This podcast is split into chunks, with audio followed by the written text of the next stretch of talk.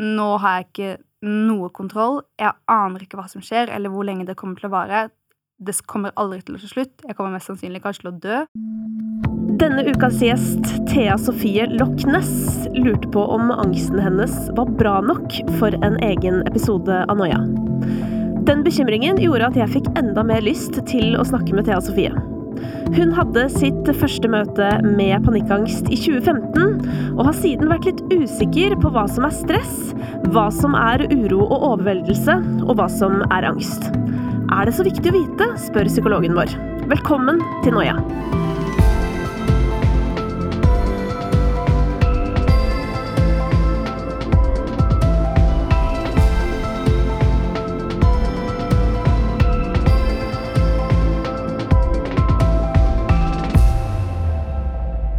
Da bare dura jeg på, jeg. Ja. Yep. Er ikke det grei? Jau. Ja. Uh, hjertelig velkommen til deg, Thea Sofie. Tusen takk. Du, um, hvem er du, for folk som ikke kjenner deg? Oi! Vi går rett på de store spørsmålene. Ja. Uh, for folk som ikke kjenner meg, så er jeg vel en skuespiller, håper jeg. Og uh, ja, en ung jente som har fulgt drømmene sine. Ja. Ja. Snill, håper jeg. Det, det tenker jeg ikke så mye på. Eller jeg tenker veldig mye på hva andre syns om meg, men ikke i Man tenker jo mest sånn der 'Å nei, liker de meg?' Liker, altså, men ikke Ja. Men jeg håper jo at kanskje man kan være en inspirasjon for noen, eller eh, at kanskje noen syns jeg bare er helt på jordet, men det er det jo også andre folk som er. Jeg vet ikke. Ja. Ja, fordi Grunnen til at jeg spør, er liksom bare at det kan være litt fint å bare ha litt kontekst på deg. Sånn hvordan eh, For jeg er litt nysgjerrig på hvordan du opplever deg selv også, eh, Mm. som menneske. ja.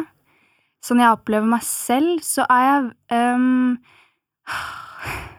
Så er jeg eh, Jeg er veldig eh, engasjert, og på en måte Jeg har mye empati og er veldig liksom, opptatt av å, å gjøre ting riktig og være en god venn og være en god eh, altså, kjæreste, god datter, god skuespiller. At sånn jeg, vil, jeg er veldig opptatt av at alle som er rundt meg, har det bra. Eh, og så er jeg nok også Jeg kan kanskje noen ganger fremstå veldig sånn rolig, men samtidig også dritstressa. Jeg føler at det er, en sånn, det er veldig sånn toside Hvor jeg inni meg skjønner sånn Herregud, nå er jeg en stressball, og det må være slitsomt å være rundt meg. Mens folk etterpå er sånn Ja, men du virket jo så chill og avslappet. Så er jeg sånn Hæ? Oh. Ja. Så det, det foregår potensielt mye på innsiden. Ja. Ja. Det gjør det. Du var jo litt usikker på om du hadde lyst til å delta i en episode av Noia hvor du skulle være i fokus. Mm. Har du lyst til å fortelle hva som skapte den usikkerheten? Ah, Det var ehm, Det var at jeg på en måte Jeg har lenge tenkt sånn Å, det hadde vært skikkelig fint å være med på Noia. Jeg føler at jeg har ting jeg kunne bidra med. Men så når det plutselig ble reelt, så var jeg sånn Nei, nei, herregud.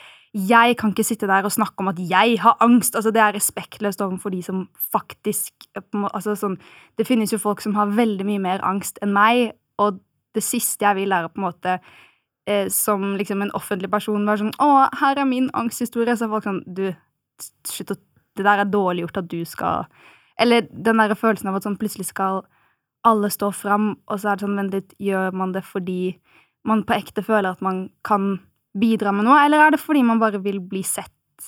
Og sikkert litt eh, altså den, at man tenker sånn Nei, nei, men jeg har jo ikke det. Jeg, jeg, har, ikke god, jeg har ikke god nok angst jeg, til å være her. um, men det tror jeg at jeg har. Det der skal vi komme tilbake til, for det har jeg lyst til å snakke mer om i dag. Ja. Eh, Men aller først så lurer jeg jo på når du hadde ditt første møte med angsten som du jo har. Ja. Um, altså, jeg var uh, et veldig følsomt barn, og jeg har på en måte Jeg har ikke liksom noe sånn uh, fått en diagnose på det, men jeg husker at jeg hadde en helsesøster som jeg var veldig nær på barneskolen, som var sånn Ja, du hadde barnedepresjon. Så jeg har liksom bare tenkt at sånn Ja, det hadde jeg, men jeg vet ikke. Men jeg vet at jeg var, at jeg var et ganske sånn trist barn. Eller jeg følte veldig mange ting. Og så kom det vel til et sånt punkt da jeg ble 15, hvor jeg var sånn Nei, nei, jeg skal ikke være trist lenger. Ingen skal synes synd på meg. Jeg skal ikke gråte. Og jeg liksom, liksom sånn På ekte stengte tårekanalene mine, føles det som. Um, men da kjente jeg mye mer på den på videregående, og sånn at det var mer liksom en angstfølelse, da. Og da gikk på dramalinja på Nissen, og da var jeg også veldig sånn opptatt av sånn Å ja, jeg har angst, det er et mørke inni meg, det er liksom åh, det, jeg får ikke puste, jeg, mm, det knyter seg i hjertet, på en måte. Og så hadde jeg mitt første panikkanfall i 2015. Ja. Når var det Altså, var det på videregående? ja da hadde jeg akkurat slutta og flyttet til København. Ja. Hva var det som eh, skjedde? Hvordan eh, jeg hadde drukket, da. Um, og så var det liksom at en av mine beste venner var vel lei seg fordi Eller jeg var lei meg fordi jeg hadde fått noen nye venner i København, og hun ville ikke være en del av de, og så følte jeg meg liksom strukket i alle mulige steder, at jeg ikke på en måte var tilstrekkelig. Og det er ofte den følelsen som fremkaller det ofte. Og da bare liksom ble det helt Jeg husker at jeg løp av bussen, og at jeg ville dø, og at jeg bare liksom fikk sånne repeterende bevegelser og gråt og gråt og gråt og fikk ikke puste, og det var liksom Det var Ja. Det var veldig skummelt alene på natten i København. Hva gjorde du da? Eh, Jeg ringte en venninne av meg som tok telefonen, og som hjalp meg liksom gjennom det hele, og så kom jeg hjem og la meg i fosterstilling inntil døren min. Og så kom venninnen min hjem, og da la vi oss i sengen sammen. Eh, og så sovnet jeg bare. Man blir jo helt utslitt. Kroppen går jo inn i liksom ja, en sjokktilstand. Men eh, skjønte du hva det var som skjedde? Nei, det tok litt tid før jeg var sånn Å, jeg tror kanskje det var det Det har tatt ganske lang tid å skjønne. Og jeg husker også at eh, det var en gang jeg satt på flyet hjem fra København også, så var jeg sånn Faen, jeg er så tørr i munnen. Er jeg, er bakfull, liksom? Fordi det blir man jo ofte. Så bare Det gikk aldri over. Jeg hadde den der klumpen i brystet og var sånn «Eh, Hvorfor Å ja. Det er kanskje angst Å ja, det Ja, da blir man jo veldig tørr i munnen og har en klump i brystet konstant. Å Men at hjernen min var liksom ikke Ja. Tenkte at jeg bare var bakfull, og så bare gikk det ikke over. På en måte så tenker jeg jo at det liksom er digg hvis man tror det er det, Ja. for da blir det jo ikke så skummelt dagen etter Ja. i forhold til sånn å grue seg til 'å nei, tenk hvis dette skjer igjen', og Mm. Er det helt ute av min kontroll? Men eh, etter du hadde hatt da ditt første panikkanfall, Mm. eh, hvordan hadde du det i dagene etter? Altså, den For det var på en måte første gangen, men da hadde jeg drukket og sånn. Og så fikk jeg det en gang til, og da var det bare sånn virkelig Jeg var bare hjemme.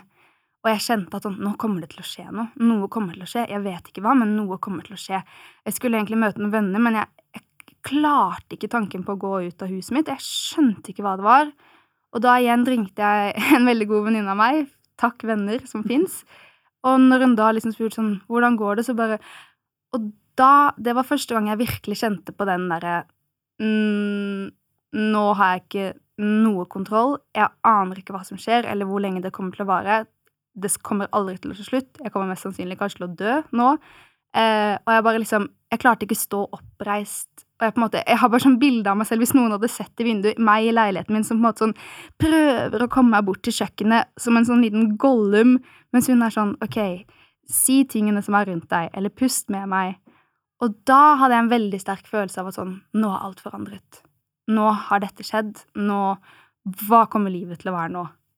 Og så skulle jeg til London på masse auditions og sitte på møter og liksom selge meg selv. Så var jeg helt sånn derre Nei, nei, nei, det går ikke.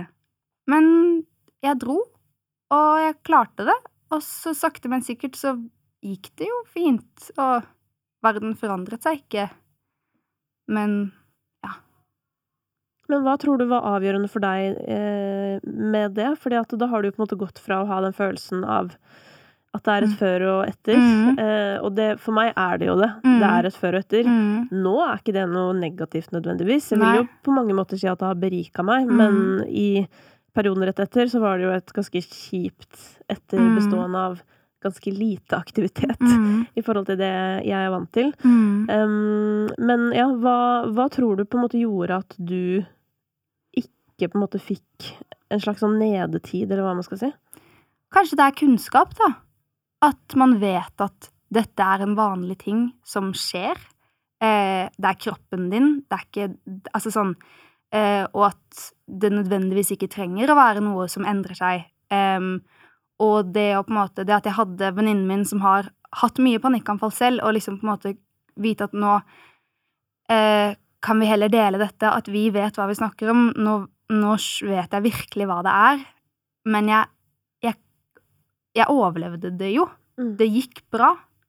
Og da er det nesten heller, som du sier, en styrke. Så når man da får det igjen, så, så kan man på en måte finne en plass inni seg. Sånn, jeg vet at det går slutt. Det er bare Nå er kroppen min i, eh, i fullstendig adrenalinpumpende sjokk og tar over. Ja. Alt. Heldig, da. Altså, sånn, alle skulle hatt en venn eh, som har hatt eh, disse erfaringene fra før og kan fortelle, for det er jo nettopp det at i mitt tilfelle, for eksempel, så Mm. Jeg ante jo ikke hva det var. Eh, jeg, tror, jeg, visste jeg visste om angst og depresjon, men jeg hadde egentlig ikke hørt om panikkangst. Mm -hmm. Så jeg visste ikke at det var et alternativ at jeg kunne få en mental reaksjon som kunne være så overveldende, da. Ja. Så det er jo, ja, virkelig, det er jo grunn i seg selv til å være åpen i vennegjengen, i hvert fall. Det er jo sånn seriøs eh, beskyttelse av dine nærmeste på mange måter. ja, ja. Hvordan vil du si at, eh, at måte den uroen du har, preger Mm. deg i livet ditt nå om dagen? Um, nei, det er jo det jeg også på en måte Som jeg kjente på da før jeg skulle hit, at, sånn, at um, jeg ofte sliter litt med å skjønne sånn OK, hva er det nå jeg føler som er eh, uro eller stress, eller ikke minst en følelse jeg kjenner mye på, overveldelse? Og hva er angsten? Og føre det ene til det andre. Eh, og ja, så måten det preger meg på, er at jeg tenker at det ikke preger meg en plass, fordi jeg gjør absolutt alt jeg vil når jeg vil, og det, det stopper meg ikke, men selvfølgelig preger det meg jo fordi det er jo ganske destruktivt, på en måte. Um, så det gjør jo at jeg uh, er veldig slem mot meg selv, um, i hvert fall tankene, og på en måte Og at det jo er vanskelig i veldig nære relasjoner at på en måte hvis det blir en Hvis man krangler, for eksempel, så er ikke min reaksjon å gråte og trenge trøst, men å stenge meg inne i et skall av angst og tenke at nå skal du Nå burde du holde pusten, fordi det er best hvis du ikke puster, fordi det fortjener du ikke. At sånn Så det er jo ikke så veldig lett Det hadde vært mye lettere hvis jeg gråt og trengte en klem, enn den derre Ja. Og jeg vet heller ikke selv helt hva jeg trenger når det skjer. Så det er også vanskelig for de rundt. Er sånn, ok, Skal jeg klemme en trestokk, eller skal jeg la henne være fred, eller skal jeg Hva, hva gjør man? Men er det liksom det at du er urolig som gjør at du eh, stenger deg inne, eller er det situasjoner? Nei, da er det vel situasjoner også at da liksom Da kommer angsten veldig opp. Um, mens urolig i hverdagen så er det mer bare at jeg sikkert stresser over veldig mange ting jeg ikke trenger å stresse over. Mm. At eh, hvis en venn har prøvd å ringe meg, og jeg ikke tar telefonen, så kan jeg tenke sånn Å, herregud, nå hater hun meg sikkert fordi jeg tok ikke telefonen. Herregud, jeg er en dårlig venn. Jeg er en skikkelig dårlig venn. Eh, ok, ok, men eh, Og så puster jeg ikke, og så knyter det seg i hjertet mitt, og så på en måte er det et ubesvart anrop. Ja. Folk tar ikke telefonen. Altså, pust, på en måte. Ja. Så det er mer det at det er, det er destruktivt for meg selv. Men jeg tror mange kan bli nysgjerrig på, um, inkludert meg selv, da, Mm. uh, hvordan du kan føle på en måte så stress over ja, et ubesvart anrop, som du sier, da. Mm. Uh, og samtidig så bærer du liksom store roller i Mm. serier og filmer som vi i gåstein alle ser. Ja. Uh, nei, men jeg tror det er mest de relasjonelle tingene. Mm. At det er de nære. Det er jo igjen denne følelsen av at man, man vil bare at de At eh, de som man har rundt seg, skal ha det bra. Og hvis jeg tenker at jeg en gang kan være en grunn til at de kanskje ikke har det, eller sånn Ja. Og at det er et At sånn det, det går i hovedsak utover meg, da, på en måte. At hvis folk blir sinte og ødelegger Altså sånn Manges eh, raseri eller mm, tristhet går utover, mens min går innover. Den går så sinnssykt innover. Så jeg knytter meg sammen som en liten ball når jeg er lei meg, eh, og, og liksom vil bare krympe. Eh,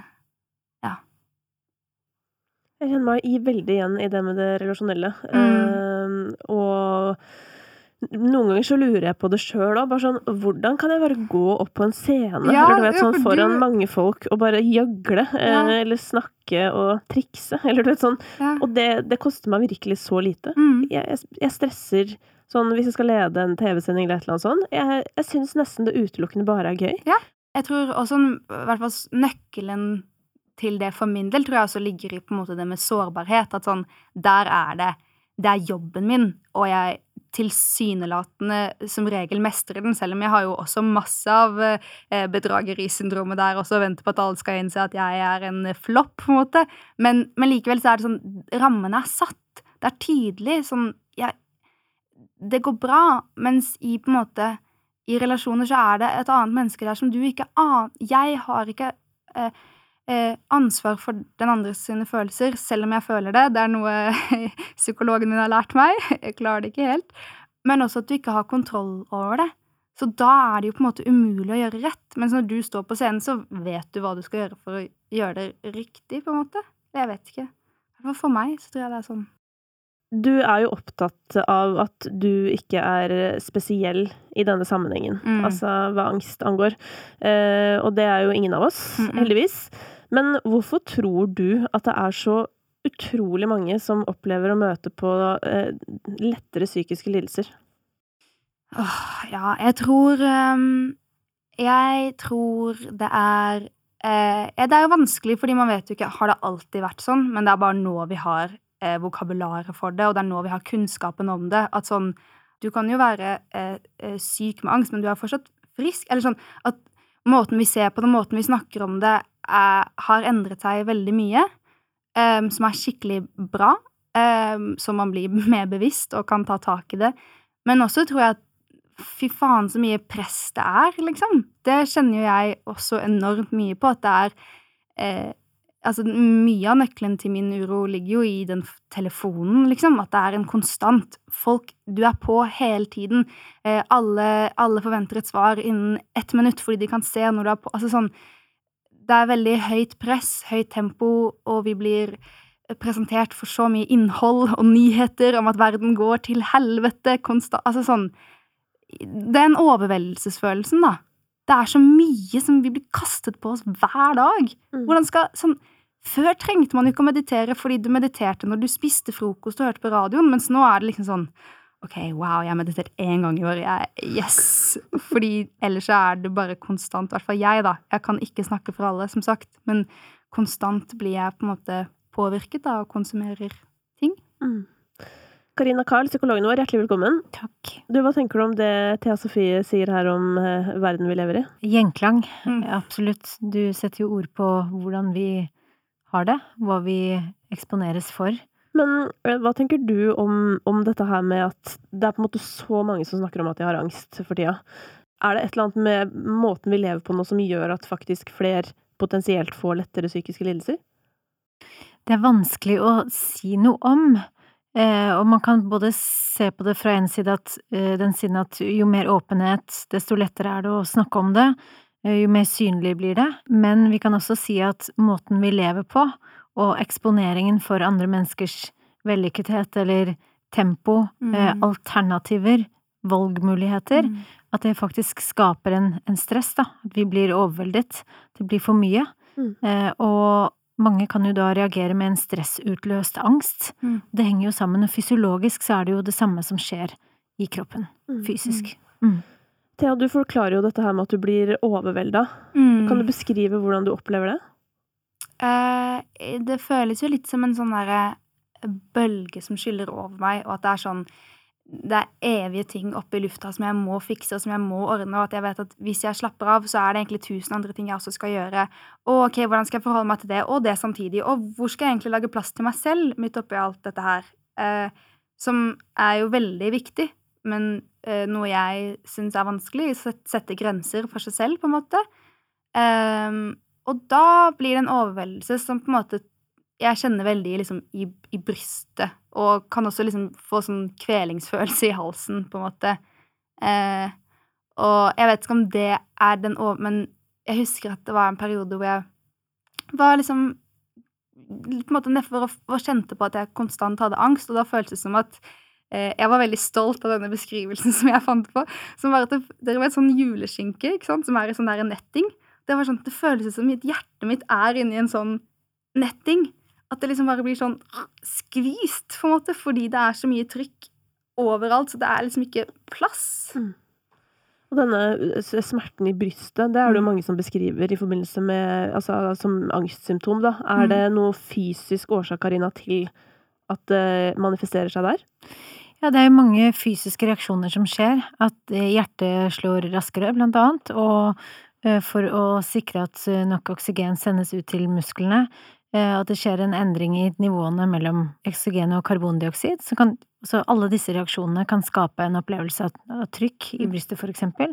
At man får sånn varme, kuldefornemmelse, det prikker i fingrene, og svimmelhet, kvalme, og alle disse alle disse symptomene har en fysisk forklaring, og en forklaring som peker i retning av evolusjon. Mm. Det er rett og slett, det handler om overlevelse. Så egentlig så er det et helt fantastisk eh, eh, maskineri vi går rundt med, eh, men det blir veldig voldsomt når vi snakker om angst, fordi at reaksjonen blir overdreven i forhold Mm. til situasjonen. Dette har jeg lyst til å utfordre deg litt på, Karina. Eh, fordi at eh, angstreaksjonen, den eh, er jo nyttig evolusjonsmessig, i tilfelle vi støter på en stor fare, altså om man liksom er i krig eller møter et farlig dyr eller et eller annet. Eh, nå for tida så kan man jo få det av en full kalender. Mm. Og det er jo på en måte en reaksjon som ikke står til situasjonen, men samtidig En helt sinnssyk kalender kan jo føles ut som eh, både et fengsel og et monster og alt mulig, og spesielt hvis du har sagt ja til en del ting som du ikke vil. Mm. Bingo! Ja. Min erfaring er at mange som opplever spesielt panikkangst, eh, etter hvert identifiserer at det handler om at man har gått på akkord med seg selv. Mm. At man har presset grensene sine, gått, og gått over egne grenser. Eh, For eksempel da har en for full kalender, eller at kalenderen har et innhold som ikke samsvarer med egne verdier, Mm. hvordan man ønsker å leve, og, og eh, det som gjør at man faktisk har det godt. Jeg må innrømme at eh, etter jeg fikk panikkangst, så syns jeg det er vanskelig å skille eh, panikkangsten fra det å være overvelda, for eksempel. Ja. Og det er fordi symptomene ligner så veldig. Mm. Eh, opplever du et tydelig skille, Thea? Eh, nei, for det var det jeg tenkte på nå, at sånn Det du, Karina, sa nå, resonnerer enormt. Så når jeg kan eh, kjenne på det som da føles som et enormt stress, er det da av angst eller stress når jeg føler meg så på en måte Av alle de tingene jeg må gjøre og skal gjøre, at jeg burde være tusen steder, men egentlig eh, vil jeg ingen av tingene. Og så er spørsmålet om det er viktig å definere det. Ja. Fordi hva er egentlig behovet? Og jeg har jo flere ganger henvist til angsten som en venn. Mm. Og det, den referansen handler om at for en del mennesker så vil angsten komme som et signal som, som blir så tydelig at man blir nødt til å ta noen grep, og man blir nødt til å stoppe og ta seg selv på alvor. Og det er det jeg mener med at angsten blir en venn. Det signalet som blir så tydelig og sterkt at man ikke bare kan fortsette i de samme mønstrene, men blir nødt til å, til å gjøre noen justeringer. Mm. Så om det er angst eller om det er stress, det kan være et definisjonsspørsmål, Mm. og det er ikke sikkert at det er viktig, men heller hva er det jeg mangler, hva er det jeg trenger, hva er det jeg søker, Mm. eh, hva er det som vil støtte meg nå? Mm. For å bruke en veldig dramatisk referanse, da, så ser jeg noen ganger på den overveldelsen som en tikkende bombe. Eh, unnskyld, men at sånn eh, Hvis det kommer, eh, hvis det kommer liksom et par dager på rad, og jeg vet nå er det mye, derfor føler jeg det sånn. Eh, jeg vet at eh, om et par dager så får jeg en rolig dag, kanskje jeg kan komme meg ut i naturen og få pulsen på en måte ned. Da lever jeg godt med Mm. at jeg er overveldet. Mm. Men hvis jeg ikke ser noen løsning på det problemet, da eh, har jo angsten min på en måte lært meg at nå er det sannsynlig Mm. at hvis det blir overveldet, overveldet, overveldet, overveldet på en måte ti dager på rad, så er det jo ikke helt usannsynlig at jeg får et panikkanfall på dag elleve. Nei, nei. Men eh, ja, så jeg, jeg ser på de som litt sånn at, de, at eh, jeg blir poka. Mm. Påminnelser. Jeg syns det er vanskelig det derre med hvor mye skal man snakke og hvor mye åpenhet skal det egentlig være og sånn, fordi tingen er jo at hvis det ikke er det, eh, hva skjer da? Mm. Ja. Ja, nei, det er det at sånn eh, Ja, at For jeg, jeg kjenner jo til noen som på en måte eh, syns at for dem så er den åpenheten litt vanskelig, fordi det plutselig blir sånn nesten som et sånn press. Sånn Hva er din diagnose? Eller sånn hvilke uh, Som det jo ikke er, men at man mer sånn leter etter uh, at, at det nesten blir sånn en sånn konstant påminnelse, på en måte.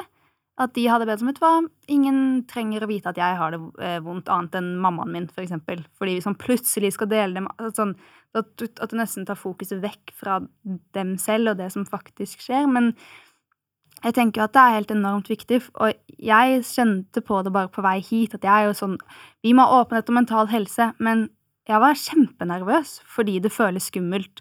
Og plutselig skulle jeg si til offentligheten sånn Hei, hei. Eh, jeg har hatt panikkanfall, og jeg kan føle sånn og sånn, fordi det er jo, det det er jo ekstremt intimt, på en måte. Men hvorfor er det det, ikke sant? Ja. Det er jo det jeg lurer på. Hvorfor er det det? Hvorfor er det ikke som å ha influensa, på en måte?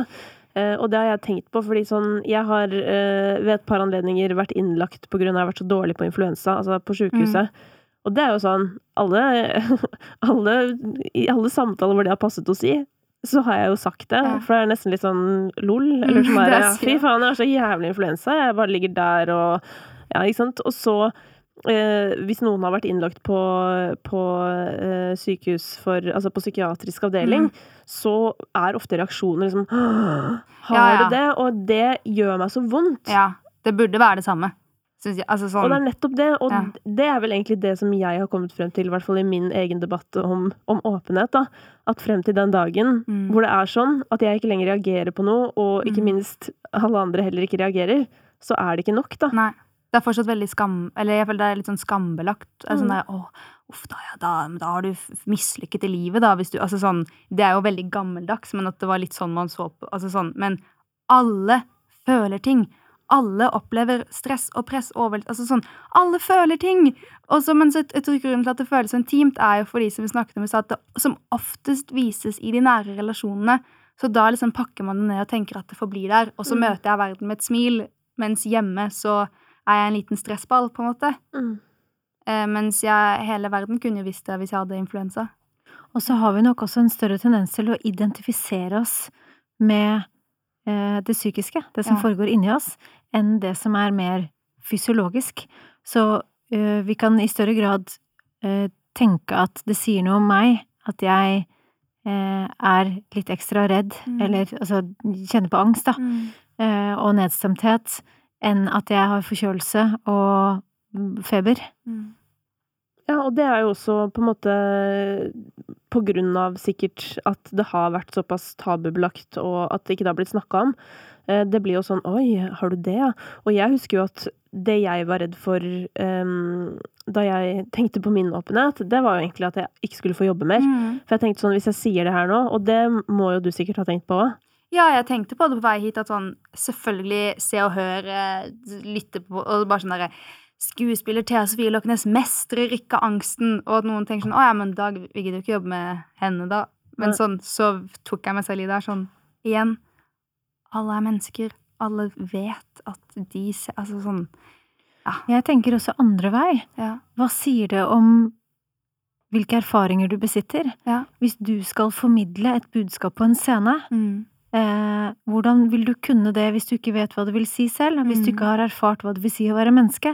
Så jeg tenker at det gjør deg om mulig til bedre eh, eh, skuespiller og, og, styrker evnene dine til å faktisk formidle, da. Mm. I det vi betegner som psykiske lidelser, så ligger det så mye kraft, det ligger så mye kompetanser, det ligger så mange styrker. Så man kan, man kan gå inn og hente frem det også, sånn at ikke det bare blir en, en negativ greie, men man kan finne man kan finne noe fint i det, eller man kan nøste i personlige egenskaper som man kan bruke i å håndtere det også. Mm. Og jeg har jo, altså jeg er jo arbeidsgiver, mm. Eh, og for meg så er det jo et eh, pluss i boken hvis du har lettere psykiske lidelser. Men det handler jo nettopp om at du kjenner påminnelsene. Mm. Du vet hva det betyr å bli overveldet mange dager på rad. Da vet du at du må ta grep, da. Mm. Og hvis du ikke har fått den erfaringa, eh, så er det jo veldig fort gjort å overse det, sånn som jeg eksempel har gjort. Men det er jo derfor vi holder på med dette. Det er jo på en måte hovedgrunnen til at jeg har lyst til å egentlig bruke hele livet mitt på å lage noia.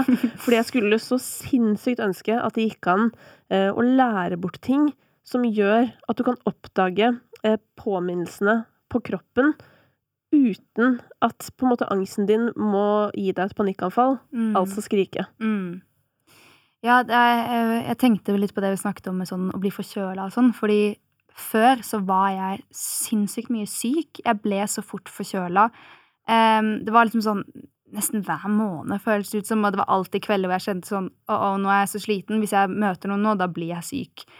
Og at eh, nå i år har jeg ikke vært forkjøla en eneste gang, på en måte, fordi eh, jeg har det veldig mye bedre inni meg. Eh, og blitt flinkere til å sette grenser. Og at da blir det nesten som en sånn derre Da var det nesten som at det var Alle de tegnene jeg fikk, endte opp med at jeg ble syk. Jeg visste at jeg ble syk fordi det var kroppen som kjørte seg i hjel, og som var det eneste sjanse jeg kunne slappe av på, var hvis jeg ble syk. Så da er det igjen den derre sånn Ja, ok, så det var ikke skammelig at jeg ble, at jeg ble forkjøla, men hadde det vært med at jeg ble innlagt fordi Altså hvis det var Hvis jeg hadde fått symptomer Altså hvis angsten ikke hadde ført til forkjølelse, men ført til at jeg ble innlagt, så hadde det vært noe helt annet. Men det hang sammen. Hvis det ga mening. Det jo mening, og Ja. det er vel også Altså dette kjøret, da, tankekjøret, på en Mm. måte, det gjør vel også noe med eh, bare sånn immunforsvaret vårt, for eksempel. Absolutt. Eh, Hjernen vår klarer jo ikke å skille mellom hva vi tenker, Mm. eh, hva som bare er tanker, og hva som faktisk foregår i livene våre, i omgivelsene. Og det forklarer jo angst, for angst kommer jo ofte av, av tanker, um, blant annet. Sånn Mm. at hele fysiologien vår kan, kan settes i gang, og påvirkes i veldig, veldig stor grad av måten vi tenker på, hvilke tanker vi tenker. Dette er noe av det mest revolusjonerende Karina har lært meg, eh, og det er jo Og det skal vi komme til nå, fordi dette er viktig også i ditt liv, tror jeg. Eh, og det handler jo om at ikke hjernen klarer å skille på hva du sier til deg selv, Mm. og hva jeg sier til deg. Mm. Så det der med at du driver og på en måte straffer deg selv, da, eh, og tenker at det er noe som forblir på en måte med, bare i deg, og det påvirker deg ikke, for det er jo bare du som sier det til deg Mm. selv, det stemmer jo ikke, Karina. På ingen måte. Mm. Og det er en sånn innsikt som veldig mange får en ha-opplevelse over. Vi tenker ikke, vi, blir ikke, vi er ikke bevisst over eh, vår egen indre dialog, men vi kan reagere veldig sterkt på hva andre sier til oss. Men i det øyeblikket, øyeblikket vi konfronteres med, med hvordan snakker vi egentlig til oss selv, eh, hvordan foregår vår egen indre dialog, så kan veldig mange få innsikter, og da oppleve at det er samsvar mellom det de føler, da, og den måten de faktisk forholder seg til, til seg selv. Vi er vesentlig strengere med oss selv enn det andre mennesker er til oss, for eksempel. Og det kan være ganske interessant å begynne å legge merke til det, hvordan vi møter oss selv på tvers av situasjoner, for da å begynne å, å eksperimentere med å, å endre på, jobbe aktivt med den indre dialogen, og se hvordan det setter avtrykk i hvordan vi har det følelsesmessig, og også fysisk. Men um, Thea Sofie fortalte jo også om det derre å skulle strekke så til. At du skal være så god for alle i ditt liv. Mm. Det også er jo Kan være en kilde til eh, overveldelse. 100 eh, Og ofte så handler jo det om det vi tror at andre forventer av oss, heller enn det de faktisk forventer av oss. Og det kan ofte være også relatert til selvfølelse. Hvis man selv opplever seg som utilstrekkelig, eh, eller er i en stresstilstand hvor man opplever at man ikke strekker til fordi man faktisk reelt har for mye, for høyt press, så kan man jo kjenne på den opplevelsen av å ikke strekke til, og man gjør det heller ikke. Og så er det sånn at vi er mennesker, og vi skal også oppleve å tåles og elskes og aksepteres på tross av vår utilstrekkelighet, for det er vi egentlig alle. Ja. Det resonnerer veldig. Du begynte å le litt, til Thea Sofie, da Karina eh, sa dette med at eh, det ofte handler mer om hva vi forventer av oss selv, enn hva andre forventer av oss. Ja. Ja, men det tror jeg at jeg, jeg, jeg, er veldig god til å finne på ting som folk føler, og ja. Har du noen gang sjekka med vennene dine, for eksempel, sånn om de opplever deg utilstrekkelig? Eh, ja, men, men da, eh, når det liksom er på det ekstreme, så er jeg jo også det, hvis du skjønner. Da er jeg ikke da Som du også sa, som var veldig fint, at sånn Da er man det. Mm. Men da får vel det også være greit. Da, at sånn, det var veldig fint det Karina sa om at sånn Om blir tålt i alle At sånn man Ja, man er der for hverandre i både Når man både mestrer å være en god venn, og når man kanskje ikke helt mestrer det, selv om man gjerne vil. Og hvordan hadde de hatt det med deg hvis du alltid Mm. var den som strakk til? Mm. Det gir et rom også i relasjonen, hvis det er plass begge veier til Mm. at vi har alle perioder og faser, og vi er i tilstander hvor vi ikke strekker til, og erfarer faktisk at det er plass til det. Mm. Og det er mye verdi i det å, og glede i å kunne gi. Og det å kunne møte et annet menneske i det, Mm. og fortelle at uh, jeg tåler deg og aksepterer deg, og det er plass, plass til det. Mm. Å kunne være noe for et annet menneske, det er så mye verdi. Det er en gave. Ja. Og det er en gave vi da kan tenke at vi gir et annet menneske når vi selv er utilstrekkelige. ja. Jeg får tenke på det sånn. Ja, det blir jo veldig skjeve relasjoner hvis, hvis det bare er den ene som bærer. Mm. Det blir Men det går jo ikke. Da knekker den til slutt. Ja. Men Thea og Sofie, jeg er nysgjerrig. Hvis det å oppleve panikkangst og overveldelse um, skulle vært noe positivt for deg, hvis du skal trekke fram noe det har gitt deg, hva ville det vært? Nei, det er vel eh, at man eh, Altså nummer Altså forståelse, empati, eh, bli kjent med seg selv, bli sterkere, bli tryggere. Eh, at eh, mye av det som også fører til denne eh, stress, uro, angst, bobla inni hjertet mitt, er jo også en drivkraft. Jeg har høyt tempo, men jeg får ting gjort, og jeg får det til. At sånn så det er jo liksom på en måte um, Jeg tror den derre tikkende klokken inni meg som går kanskje litt fortere enn hos noen andre mennesker, er også min største styrke fordi den gjør at jeg har kommet dit jeg har kommet, da. Men så må jeg bare lære meg å ta hensyn på veien og passe på meg selv også. At man ikke kjører seg for hardt. Hva håper du at du har fått sagt eh, her i løpet av de siste minuttene? Jeg aner ikke hva jeg har sagt, egentlig. Eh, jeg håper at eh, Her igjen kommer jo da min tanke om meg selv. Det første jeg vil si, er sånn Jeg håper ingen syns jeg er dum. eh, for det er det jeg tenker at sikkert folk syns. Men nei, jeg håper at kanskje det sitter noen der ute som er sånn som meg, som kan kjenne seg igjen og føle seg mindre alene, og at man kan lytte til alle de kloke tingene Karina har sagt om å tåle hverandre og elske hverandre uansett, og at eh, det blir normalisert, og at man Du kan få til hva du vil selv Altså sånn Det Ja. At uh, det finnes jo eh, mange forskjellige måter å ha angst på og leve med angst på. Mm. Kanskje. Det er godt sagt. Ja, men det er nettopp det, og det er jo det vi prøver å, å også formidle. At det er jo at det er mange ulike historier, og det er mange årsaker til at uh, du kan gjennomføre alt du vil, mm. uh, på tross av at du har litt uh, panikk og føler på overveldelse, men at andre ikke har det. Og det er fordi vi er forskjellige. Mm. Og sånn er det bare. Og, Heldigvis. Ja, heldigvis, vil jeg si. Eh, og så eh, prøver vi å, å liksom vise fram hele spekteret, da. Mm. Fordi det føles viktig. Mm. Du er viktig du også, Thea Sofie. Takk. Ja. Like måte. Tusen hjertelig takk for at du hadde lyst til å komme til Noia. Takk for at jeg fikk komme. Og veldig fint. Takk til deg også, Karina.